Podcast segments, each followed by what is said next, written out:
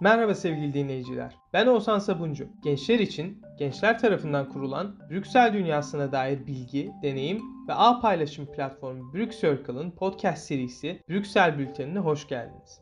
Bir önceki haftanın önemli konularından olan Rus petrolüne tavan fiyat getirilmesi tartışması Cuma günü bir sonuca bağlandı ve AB üyeleri sonunda bir anlaşmaya ulaştı.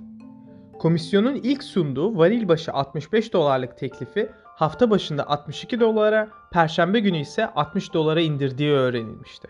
Doğu Avrupa ve Baltık ülkeleri bu fiyata da çok sert karşı çıkarak fiyatın 30 dolar civarına indirilmesini epey ısrarcıydı.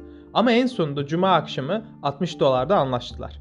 Ancak Politico Europe'un ulaştığı bir AB diplomatı Rus petrol üreticilerinin 12 ila 20 dolar arasında yaptığı satışlarla zararlarını zaten telafi ettiklerini bunun üstündeki tüm miktarların Rusya için kar olduğunu söyledi. Kar marjı hala geniş olan Rusya'nın ne kadar etkileneceği ise henüz tam bilinmiyor. Komisyon bu sırada uzun süredir beklenen başka bir konudaki kararını açıkladı ve Macaristan'a AB bütçesinden düşen 7,5 milyar euroluk payı dondurdu. Haftanın sonuna doğru yapılan duyuruda Macaristan'ın yargı bağımsızlığı ve hukukun üstünlüğü, medya özgürlüğü, demokrasi ve insan hakları gibi birçok konuda yerine getirmesi gereken 17 maddelik reform listesini tamamlamadığı, bunun için de fon tedarikinin şimdilik durdurulduğu açıklandı. Ancak Macaristan'ın Covid sonrası toparlanma fonundan payına düşen 5.8 milyar euroluk kısmın tedariki için komisyonun üye ülkeleri yeşil ışık yaktığı da öğrenildi. Yine de diğer ödemenin akıbetinin ne olacağı henüz belli değil.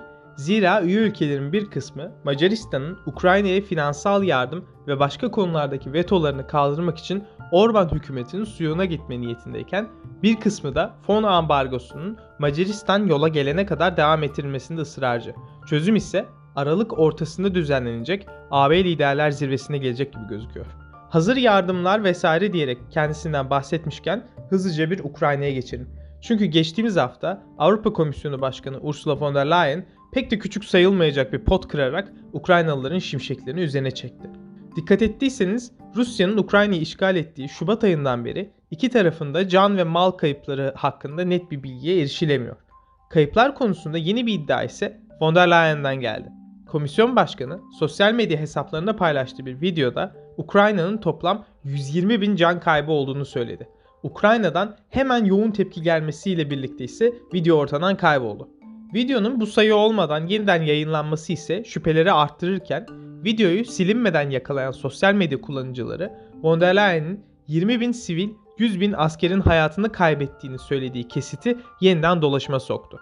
Ukrayna Silahlı Kuvvetleri ise bunun oldukça hassas bir konu olduğunu ve sayıya dair herhangi bir yorum yapılmayacağını açıkladı. Kıtada bunlar yaşanırken rotamızı biraz da birliğin batısına ve doğusuna doğru çevirelim ve ABD'ye gidelim öncelikle. Çünkü Fransa Cumhurbaşkanı Emmanuel Macron geçtiğimiz hafta Washington'a önemli bir ziyarette bulundu. Ziyaretin merkezinde ise yeni bir transatlantik ticaret savaşının engellenmesi vardı.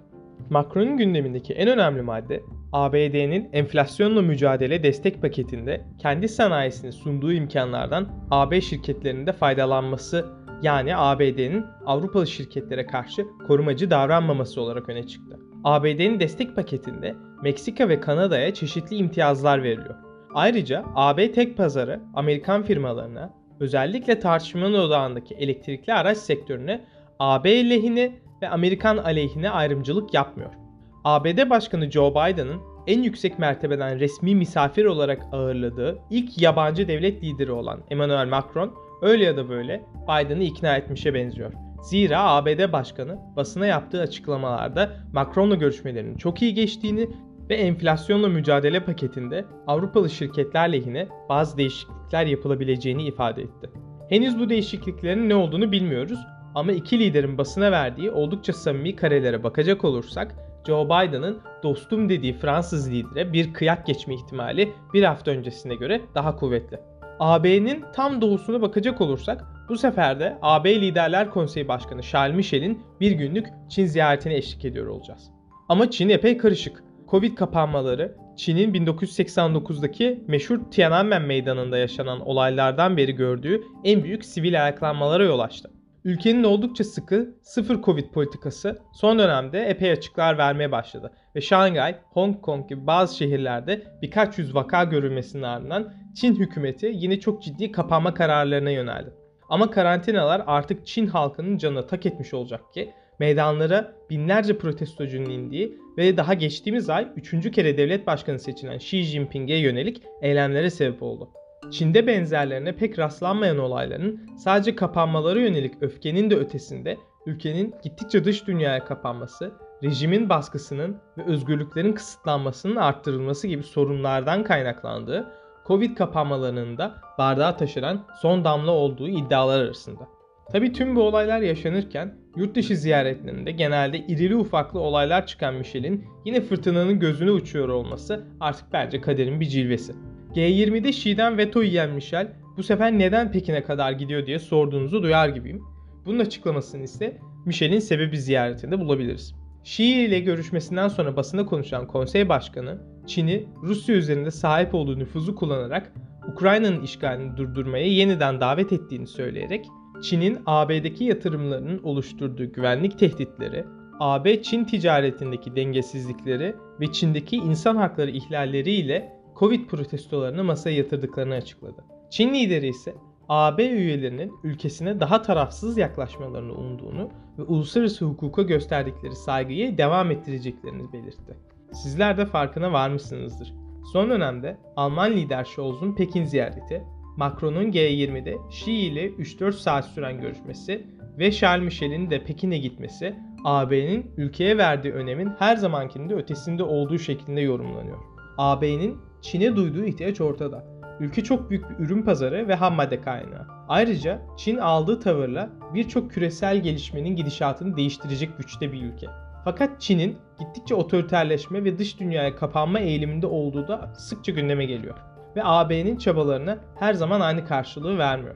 AB'nin şu andaki gidişatla istediklerini elde edemeyeceği çok açık. Çin 3-5 lider geldi diye bir anda demokratikleşme, piyasasını liberalleştirme, Rusya karşıtı ve AB dostu tavır sergileme gibi adımları atmayacak. Peki sizce AB Çin'i daha güvenli bir uluslararası partner haline getirebilir mi? Eğer bunun mümkün olduğunu düşünüyorsanız sizce AB'nin neler yapması lazım? Sorumuzu her zamanki gibi sosyal medya hesaplarımızda veya yayınımızı paylaşırken yanıtlayabilirsiniz. Görüşlerinizi bir hayli değerli buluyoruz. Ve böylelikle Brüksel Bülteni'nin bir haftasını daha noktalıyoruz. 2022 artık biterken AB'nin merkezindeki son gelişmelerden haberdar olmak için Brüksel Bülteni'ni ve Brüksel takip etmeyi unutmayın.